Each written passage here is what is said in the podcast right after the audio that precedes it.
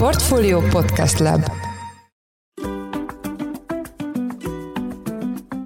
Mindenkit üdvözlünk, ez itt a Portfolio Business Podcast új adása, ami a Conclude ZRT támogatásával jelenik meg. Én Varga Szabolcs vagyok, a portfólió újságírója. Az arany unciánkénti jegyzése legutóbb az izraeli háború kitörését követően lépte át a 2000 dolláros lélektani határt, de ugyan az elmúlt évben többször is ezután korrigált, és nem tudott e fölött maradni, miközben sokan az inflációs nyomás és egyéb gazdasági körülmények hatására ennél magasabb árfolyamot vártak. Lehet, hogy most jön el az arany ideje? A kérdés megválaszolásában segítségemre lesz a Nemesfém kereskedelemmel foglalkozó Konklúzi RT vezérigazgatója, Juhász Gergely. Sziasztok, üdvözlöm a hallgatókat. És a cég vezetője, Juhász Kristóf. Sziasztok, én is üdvözlöm a hallgatókat. Kezdjük szerintem azzal, hogy a történelmi előzményeket vizsgálva azt látjuk, hogy a háborús krízis következtében visszaeső gazdasági teljesítmény miatt a magas infláció idején a befektetők gyakran az aranyhoz menekülnek, mint értéktartó befektetési eszközhöz. Az elmúlt bő egy évben számos nehézséggel szembesültek a gazdasági élet szereplői, jelen az inflációval. Ennek ellenére mégsem úgy alakult az aranyárfolyam, mint azt sokan várták. Mi lehet ennek az oka? Hát figyelj, szerintem ahhoz képest, hogy mekkora ellenszél van itt, tehát gondolj bele, hogy a Fed kamatemelése miatt, illetve az inflációs várakozások lecsökkentek, reálhozam alakult ki az USA-ba, az ugye nagyon nagy elszívó erő, és ennek ellenére az arany igen magason ragadt, tehát nem az történt, mint ugye 2011 után, amikor lement 2015-ig ugye 1050 környékén fordult, hanem most azért az all-time high közelébe van, és hogyha megnézed a hosszú távú csártot, tehát mondjuk egy 10-15 éves csártot nézel, akkor egy füles csésze formátumot fogsz látni, ami egy nagyon izgalmas dolog egyébként. Erre a formátumra mondjuk ez egy technikai analízisnek egy fontos jelensége, hogy ha harmadszorra átviszi ezt az all-time high-t, ezt ugye 2050-2100 környékét, és ezt nagy évben, vagy nagy erővel töri át, akkor tud menni egy 40 ot Ezek a háborús események, ezek általában ideig óráig mozgatják csak az aranyárát, tehát hogyha ez nem eszkalálódik, akkor ez úgy szépen úgy lecsen kiárazódik. Egyébként ugyanezt láttuk a orosz-ukrán háború kitörésekor, ott ment egy nagyot, és ahogy beáraszt a piac, hogy most már ugye hogy egy kvázi egy ilyen állóbb háború, regionálisan marad, nem lesz például globális konfliktus, akkor ez is szépen úgy kiárazódik és lecsurog, és inkább ezek a, a reálkamatok mozgatják hosszabb távon, illetve hát a pénz mennyiség, a pénz nyomtatás nagyon fontos ebben. Én még esetleg annyit fűznék hozzá, hogy az is jól látszik, hogy a a vállalkozásokat, meg a magánbefektetőket is eléggé pénzszűkébe taszította a magasabb kamatkörnyezet, és emiatt egyre többen eladnak aranyat. Itt magyar piacon is érezzük azt, hogy folyamatosan hoznak vissza nekünk befektetési aranyat, mert finanszírozni kell a vállalkozást. A támogatott hiteleknek a kerete azért elég szűkös, és az aranyhoz nyúlnak, hogy egy ingatlan felújítást vagy a cég következő pár hónapnyi működését tudják finanszírozni. Aranynak a forintba mért hozam az elmúlt öt évben az egy olyan 20% körül alakult, úgyhogy ez így jó biztosíték volt. Most Barcelonában jártam az EBM a konferenciáján, ott egy német aranykereskedő nagyon érzékletesen bemutatta, hogy egyrészt mennyivel növekedtek a megélhetési költségek Németországban, és a 181 tonnás 2022-es rekordkereslet helyett idén mindössze 60 tonnás aranykeresletet várnak, várnak a német aranykereskedők, ami valóban egy 73-75 százalékos csökkenést jelent a tavalyi évhez képest. Az látszik a számokból, amit a World Gold Council, az Aranyvilágtanács minden hónapban közzétesz a honlapján, hogy bizony ezt az aranyat, amit a nyugat-európaiak most eladnak, hiába relatíve magas az ár, az indiaiak, a kínaiak és az oroszok röhögve megveszik, mert ők arra számítanak, hogy innentől egy jelentős árfolyam emelkedés fog bekövetkezni az arany árfolyamában. Ugye azért említsük meg akkor a jegybankokat, akik igazából ezt a magas aranyárat fe, fenntartják, mert az ő vásárlásaik ö, tartják magasan a, a, az aranyár folyamát.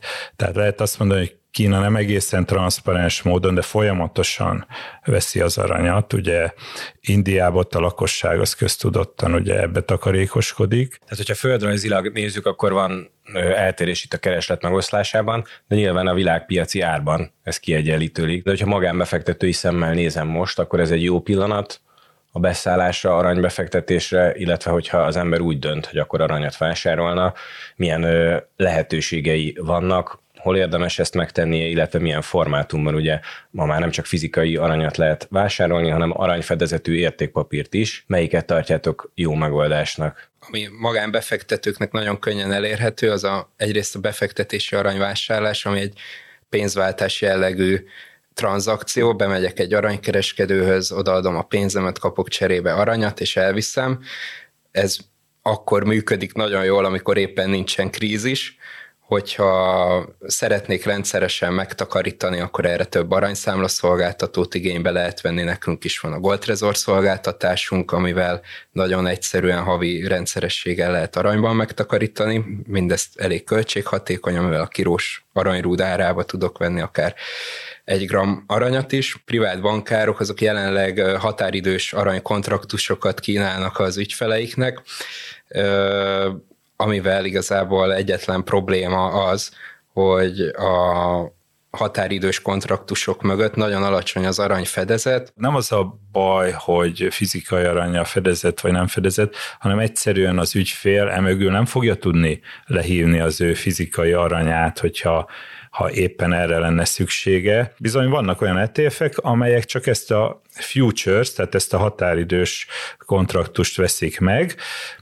de nem veszik meg mögé a fizikai aranyat. Nekem volt egy felismerésem itt a 2020-2022 év tanulságaiból, hogy mi megtapasztaltuk, ott ültünk bent, hogy olyan mennyiségű pénz áramlott be azokban a napokba, nem tudtuk fizikai aranyjal kiszolgálni. Pillanatok alatt elkezdett szétválni az árfolyam. Itt olyan eltérések keletkeztek, hogy, és nem csak nálunk, tehát másütt is, hogy először 1-2 százalékkal ment a normális mars fölé, elkezdtek kóták kialakulni, tehát máskor ez simán megy, hogy a, oda megyek a, a verdéhez, kérek egy doboz 100 grammost, és akkor leszállítják az ő 100 darab.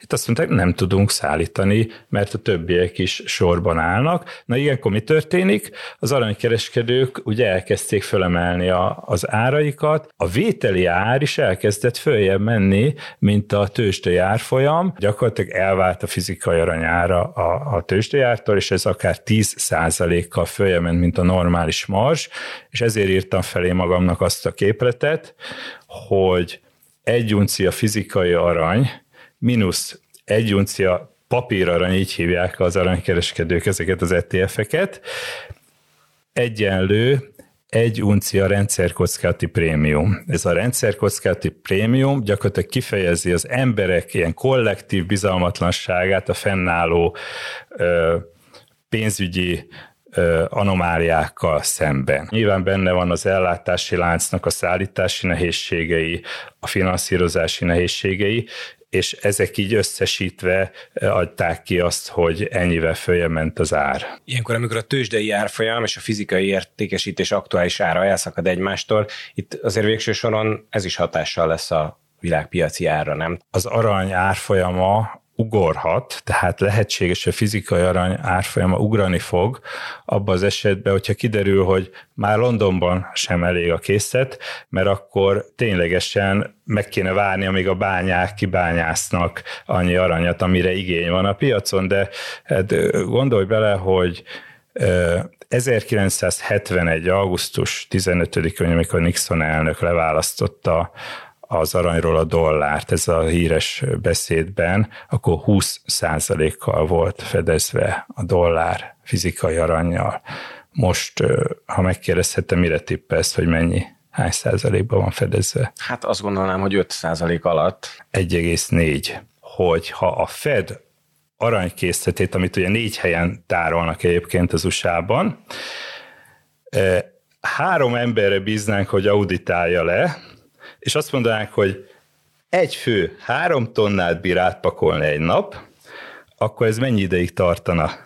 tipp. A játék kedvér akkor azt mondanám, hogy egy jó éves. Egész közel, vagy kettő és fél év. Azt mondanám, hogy ez egy optimista becslés, mert uh, amikor járunk ugye évente auditálni a külföldön tárolt készleteket, amit az ügyfeleknek, ügyfelek megbízásából tárolunk Zürichben, Frankfurtban, Bécsben, illetve most a geopolitikai kockázatok megnövekedésére válaszolva most fogunk nyitni Szingapurban és Új-Zélandon is tárolási opciót. Nekem az a tapasztalatom, hogy egy másfél tonnát ezüstben átpakolni, ez egy három embernek egy órás munkája. Én úgy satszolnám egyébként, hogyha ultrahangozunk is, lemérjük a rudakat, sorszámot felírjuk, akkor az legalább egy 5-10 éves projekt szerintem. Akkor érthető, hogy miért nem kezdett ehhez hozzá a Fed 70 éve. 70 éve volt az utolsó audit. Van még egy olyan kérdésem, hogy ha 20%-ba volt fedezve 71-ben ugye a, a dollár aranyjal, akkor most, hogyha ezt a 8133 tonnát föl kéne értékeljük erről az 1965 dollár per uncia árfolyamról, ahhoz, hogy megkapjuk a 20%-os fedezettséget, akkor milyen arany árfolyam adódna ki? Hogy legyen kerek szám, mondjuk 10 ezer dollár. 25.806 dollár per uncia ár lenne ehhez szükséges. Most 1964 dollár, mikor itt ülünk a stúdióba az arany árfolyama. Tehát azt mondom, hogy akkor meg kéne venni ezen az 1964-en, vagy a füles csésze előtt, mielőtt kitör az árfolyam, a, azt az aranymennyiséget, amivel a 20%-os fedezettséget helyre lehetne állítani, hány tonna aranyat kellene vegyen, csak a Fed. A dollár alatt az USA államadóságát értjük, ami most 33,7 trillió. És akkor, hogyha jól értem, akkor azt lehet mondani, hogy az aranynak az árfolyamát azért nagyban a nemzeti jegybank vásárlások mozgatják. Most igen. Mennyire változtatja az árfolyamot a magánbefektetés, tehát a magánbefektetőknek a kereslete. Idén úgy alakult, hogy nagyjából egy 800 tonnát vásároltak a, főleg a keleti magánemberek, ugye aranyrúd, aranyérme formájában. A másik oldalon azért Európából voltak nagymértékű eladások, és még ugye erre még rátevődik az, hogy a papírarany ETF-ekből is elég sok arany háromlott ki, idén mint egy 139 tonna, tehát 670 tonna körül áll meg a befektetési célú aranykereslet. Ugye az aranykereslet több tényezőből tevődik össze, van egyszer az ékszer piaci kereslet, van a befektetők aranykereslete, ebbe értjük bele a befektetési aranyrudakat, érméket, illetve az arany ETF-ek is ebbe tartoznak bele, és a jegybanki aranykereslet is kiemelendő, illetve van a technológiai szektornak a kereslete, de ez már nagyon minimális, ilyen 10% körüli. Főleg ugye Indiában, ott ugye ez köztudott, hogy a gazdálkodó réteg, vagy mondjuk úgy az egyszerűbb parasztok, azok aranyba gondolkoznak, tehát nekik az az igazi devizájuk több ezer éve, és ők ugye amikor learatják a termést, és ugye gyűjtik a menyasszonynak a hozományát, akkor ők azt megveszik ékszer formájába. Az ékszernek lehetőleg közel kell lenni az arany árfolyamához, és tehát ne legyen túl feldolgozott, és gyakorlatilag ebbe tárolják az értékeiket. Nagyon érdekes, hogy kicsit szétválik a befektetési arany és az ékszer arany kereset abból a szempontból, hogy az ékszer befektetők, úgymond, tehát ezek az indiai-kínai ékszervásárlók, sokkal inkább árérzékenyebbek, míg aki befektetési aranyat vesz, ő inkább a magasabb áron vesz nagyobb mennyiséget, tehát igaz volt ez tavaly a németekre, a magyarokra, a lengyelekre, egész Nyugat-Európára, Amerikát is beleértve, hogy miközben a kínai, indiai ékszerkereslet ugyan a Covid lezárások utáni nyitás révén nőtt, de elmaradt az átlagostól, viszont a befektetési aranykereslet hatalmas, kiugró értéket mutatott itt Nyugat-Európán belül, és ehhez képest most látunk egy depressziót a, a nyugati befektetési aranykeresleten. Keresletet ugye, ha jól értem, nagyban mozgatják azért a nemzeti jegybanki vásárlások, miközben ezek nem feltétlenül mindig ellenőrizhetőek. Az árfolyamban mennyire tükröződnek ezek a, ezek a pult alatti vásárlások? Most jelenleg a keleti tömbbe tartozó jegybankok aranyvásárlásait azért tartják ilyen titokban, mert nem szeretnék, ha felmenne a aranyárfolyama addig, amíg ők kellő mértékű aranytartalékot építenek fel. Ezért van az, hogy ugyan három év után elkezdte lejelenteni a kínai jegybank, hogy most vettem 18 meg 30 tonnát ebben a hónapban, de a nagyját az továbbra is titokban tartják a vásárlásaiknak, úgyhogy ezért van ez a óvatos becslés az 5000 tonnás kínai aranytartalékra, mert valójában ez lehet, hogy sokkal több. De akkor a vásárlás azért ez megjelenik az árfolyamban, csak nem Kínához köthető akkor megjelenne mindenképpen, hogyha kiderülnének a valódi számok. Most azért nem mondják el, hogy 300 tonnát megvettem az oroszoktól, mert akkor nem 1650 dollár per uncia áron tudta volna megvenni, hanem mondjuk 2100 vagy 2300 dollár per uncia árfolyamon a kínai jegybank, ha bejelenti, hogy a éves aranykeresletnek ő az egy tizedét most itt lebonyolította egy hónap alatt Oroszországgal. De akkor valid az a spekuláció, hogy ezek az országok előbb-utóbb bejelentik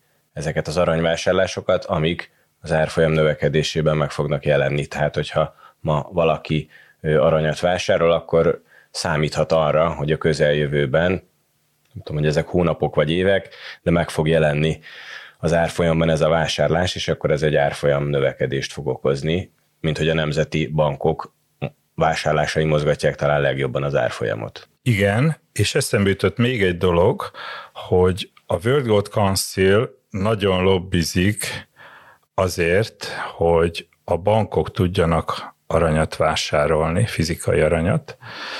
Ez egyébként nagyon jó lenne a bankok mérlegének, nagyon jót tenne nekik, ugyanis ugye ha diversifikációs eszközként gondolunk az aranyra, akkor az pont olyankor bír fölmenni, mikor a többi eszköz ára esik, és ahogy említettem, nem mindegy, hogy fizikai aranyad van, vagy aranyra szóló követelésed van, és ezért nagyon is jó lenne a bankrendszernek, a jelenlegi bankrendszernek, hogyha tudnának a mérlegükben fizikai aranyat tartani. Ennek vannak feltételei, és fogunk hívni ilyen előadót ugye a konferenciánkra november 30-án, akitől ezt meg lehet eh, kérdezni. Első személyes részvétellel történő Nemesfém konferencia Budapesten. Ugye itt arról van szó, hogy úgynevezett high quality liquid assetté váljon a fizikai arany, ami ugye a jegybanki tőke megfelelőségi szabályoknak eh, megfelelő eszközt jelenti. Most jelenleg ugye ebbe bele tartoznak az USA állampapírok, a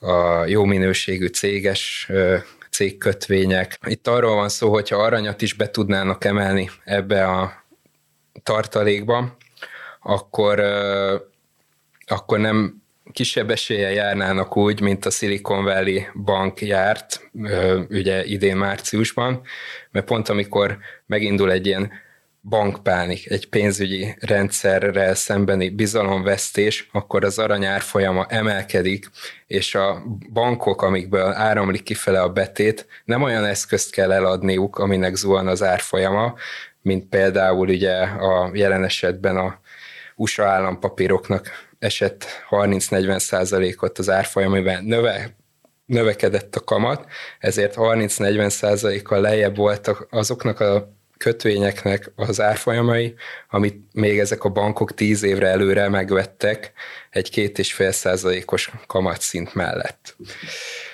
És ebben a helyzetben, ha lett volna arany a Silicon Valley tőke tartalékában, akkor ő egy olyan eszközt ad el, ami árfolyam nyeresége van, és nem árfolyam vesztesége, és ki tudja fizetni a betéteseket, tudja stabilizálni a saját likviditási helyzetét. Hogyha egy olyan szabályozás születne, ami előírná ezt, amit most ö, röviden felvázoltatok, tehát hogyha a bankoknak valamilyen szintű aranyfedezetet kéne tartaniuk, mennyire növelni meg a keresletet, illetve mennyire van egyáltalán annyi fizikai arany kibányászva, hogy ez megvalósítható legyen, hogy ott legyenek a bankok széfjeiben az aranytömbök. Az attól függ, hogy az USA szeretné valóban a államadósága 20%-át fedezni aranyjal, vagy sem. De ezt leszámítva egyébként ugye mennyi arany van a felszínen, nagyjából 200 ezer tonna, ebből 27 ezer tonnányi van Indiában a emberek kezében, közel ugyanennyi Kínában, még akkor ebből levonjuk a jegybankok aranytartalékait, és látjuk, hogy azért nem annyira sok szabad arany maradt. Tavaly Magyarországon nagyjából 5-7 tonnát vásároltak az emberek, ebből már visszaadtak hármat, úgyhogy ö, az látszik, hogy kellenek a európai eladók ahhoz, hogy a indiai, kínai aranykeresetet ki tudják elégíteni. Ha mindenki egyszerre vásárol, akkor nyilván az aranyár folyama nagyot nőne. Nem a jegybankok aranyvásárlásai miatt kell itt aranyat venni, hanem amiatt, mert az a rezsimváltás pénzügyi szempontból, meg geopolitikai szempontból, ami itt következik, még nem jelent meg a fizikai aranyárában, és még a papír aranyárában sem egyébként, és amit ugye Gergely mondott a rendszerbiztonsági rendszerkockázati prémiumról, most jelenleg 0 százalék körül van ez a felár, tehát teljesen normális piaci áron tudok aranyat venni, és ilyenkor érdemes aranytartalékot kialakítanom magamnak, mert akkor tényleg egy szép hozamom lesz, és egy rendszeres vásárlásokkal el tudok jutni egy olyan szintre, hogy itt van előttem ez a csárt, ha az elmúlt húsz éve minden hónap végén ugyanakkor a összegbe vettem aranyat, akkor nincs olyan hónap, amiben idén 10. hó 31-ig legalább egy éves időtartamot feltételezve befektetési időtávnak veszteségem lett volna. Lehet, hogy most a vagyonmegőrzés szempontja fontosabb, mint a vagyongyarapítás szempontja. Tehát lehet olyan idők jönnek, hogy a vagyonmegőrzés előtérbe kerül, és ennek a legjobb eszköz, egyik legjobb eszköze, ugye likvid eszköz a fizikai arany. A tárolási kockázatot csak diversifikálni lehet. Tehát, tehát én is azt mondom, hogy valamennyi otthon, egy kis havária készíteni, így hívom, most lehet, hogy az 4-5 millió forint lakásbiztosítás ad rá fedezetet, stb. Banki széf Magyarországon működik, tehát nem, nem volt probléma vele, tehát működik. És azért csak a fizikaival működik, mert például az ukrán ö, államnak az első dolga volt lefagyasztani a külföldi devizautalásokat, bezártak a bankok, nem lehetett hozzáférni, egyébként is nehezen tudok hozzáférni a készpénzemhez a bankokból, kivenni a számlapénzemet, az teljesen ellehetetlenült, és nem fogad, még ha volt is nálam rívnya, azt nem fogadta el tőlem sem az OTP, sem a szír pénzváltó nem váltotta le forintra vagy euróra, mert az onnan tudjam, hogy mennyi lesz a rívnya egy hét múlva. És aztán igen, kialakult egy három hétig be voltak fagyva az ukrán menekültek abba, hogy nincsen likvid vagyonuk, és utána elkezdték elfogadni a hrivnyát is egy valamilyen szinten humanitárius jelleggel, viszont addig a három hétig valahol aludni kell, valamit enni kell adni a gyereknek, és csak az arany volt az, amit bevágtam a kis retikülönbe, átvittem a határon, és már is ott volt nálam több tízezer eurónyi érték, amit így ki tudok tenni az asztalra, és meg tudom érte cserébe kapni a helyi fizetőeszközt, ahol nekem éppen most túl kell élnem. Ezt jól látjuk, hogy a gyakorlatban ilyen extrém helyzetekben nagyon jól működik az aranynak az érték hordozó szerepe, de miközben itt látjuk a pénzügyi rendszer alapjaiban való átalakulását, ugye itt megjelentek a kriptovaluták, blokklánc technológiát, most már a bankok is használják, a digitális jegybank pénz van, és más-más digitális megoldások is ugye megjelentek arra, hogy leváltsák. Például a bitcoint is ugye digitális aranyként emlegették. Mennyire hogyan alakulhat a szerepe az aranynak ebben az új pénzügyi rendszerben? A bitcoin Ethereum, tehát ez a két nagy kriptodeviza ez biztos ö, meg fog maradni. A bitcoin digitális arany tulajdonsága, ez részben igaz, részben nem. Tehát én inkább látok egy olyat, hogy kiegészíti a kettő egymást, tehát bitcoint is és aranyat is, és nem konfrontatív egyik a másikkal, mert végül is az alaptulajdonságokban van, ami hasonló, tehát nem függök az államtól, nem függök a banktól, és ez a decentralizáltság tulajdonképpen az aranyban is megvan, hogy, hogy nagyon sok arany van nagyon sok helyen, és ugye a, a kriptóban meg ugye ott az van, hogy, hogy nagyon sok számítógép egy hálózat adja ki ennek az erejét, ugye, amit az energia teremt meg, Ethereumnál ugye validátorok. Na most én azt gondolom, hogy a digitalizálódni fog az arany is részben, de ebből a digitális térből kikérhető lesz valamilyen formában az aranylapka aranyrud. Ezek a digitalizált arany egységek, ezek kereskedhetővé válnak független a tárolási helytől, és akár ugye ezeken a decentralizált tőzsdéken, ezek a DeFi ugye platformokon kereskedhetők, vagy persze a centralizált kriptotőzsdéken is, és gyakorlatilag ugyanolyan devizává válik, mint amilyen devizák lesznek a digitális jegybanki pénzek. És a digitális jegybanki pénzek én, én arra tippelek, meg fognak férni egymással. Tehát ezekkel a kriptófejlesztéseket ezt, és árgus szemekkel figyelik a jegybankok is, hogy ilyenkor mi történik. És ez egy nagyon jó kísérleti terep, hogy, hogy láthassuk, hogy a különböző blokkláncokon egyikre a másikra hogy tud áramlani érték. Nyilván a, a jegybanki digitális pénzek azok úgynevezett hát angol úgy mondja, hogy permission, tehát hogy, hogy engedélyezett blokklánc, tehát nem mindenki fog tudni hozzáférni közvetlenül a blokklánchoz. A bankok, elszámolóházak, tőzsdék, brokercégek, ilyesmik fognak hozzáférni, és az ügyfelek azok hozzájuk fognak becsatlakozni alájuk. Tehát valamilyen struktúra marad, de ezen kívül lehet, hogy, lehet, hogy lesznek decentralizált tőzsdék is. Én azt mondanám, hogy minél digitálisabbá válik a pénzügyi rendszer, a, minél jobban kiszívódik a készpénz a hétköznapjainkból, és ha már a digitális jegybank pénzek is valóságá válnak, annál fontosabb lesz a fizikai arany, mert az egy olyan eszköz lesz, amit a digitális tért fogja, vagy a digitális teret fogja diversifikálni azzal, hogy itt van a zakon belsejébe el tudom tenni, el tudom venni, és nyilván a digitális eszközökkel fogjuk majd akkumulálni ezt az aranytartalékot, tehát már a Gold Trezorral ez nagyjából ez egy kapu a jövőbe, ahol ez lehetőségé válik, hogy a digitális, most is már digitális pénzemet a bankszámlámról átutalom, azt fizikai aranyban leforgatja a Gold, Gold Trezor, látom, hogy mekkora a gram mennyiségem, át tudom váltani 50 grammos, 5 grammos, 100 grammos, 1 kilós aranyrúdra, egy unciás érmékre, és át tudom venni fizikailag a Conclude irodájában, vagy házhoz szállítják nekem. Ami még ö, fontos, mi történik, ha az országomat szankcionálják, és esetleg a most a orosz tulajdonokat ugye befagyasztották a nyugati befektetési szolgáltatóknál, bankoknál, megeshet ez mondjuk fordított előjellel legyen az, hogy nem tudjuk milyen okokból.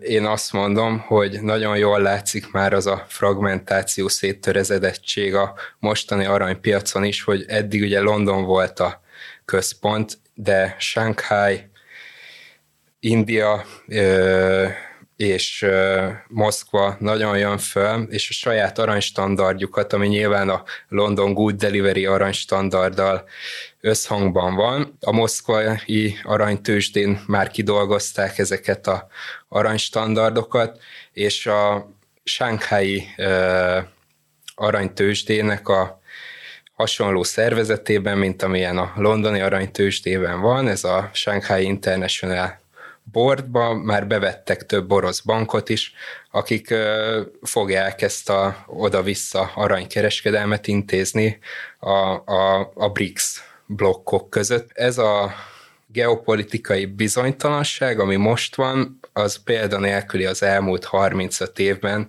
és ezt nagyon sokan még nem vették észre, és itt nem arról van szó, mint volt szó ugye a, a Szovjetunió és az USA szemben állásakor, hanem egy sokkal széttöredezettebb pénzügyi gazdasági rendszerre számíthatunk, ahol lesznek olyan központok, akár a jövőben Afrikában is elképzelhető, hogy kinevű magát egy ilyen központ. Az arany az, az egy globális érték, és sőt szerintem univerzális érték, hogy abban a szempontból is, hogyha majd a Elon Musk nekünk benépesíti a, a Marsot, akkor ott is lesz arany, amivel fogunk tudni, nem tudom, marsi dollár szembe dílelni. Elég sok mindent hallottunk azzal kapcsolatban, hogy mi befolyásolja az arany árfolyamát, és milyen forgatókönyvek valósulhatnak meg.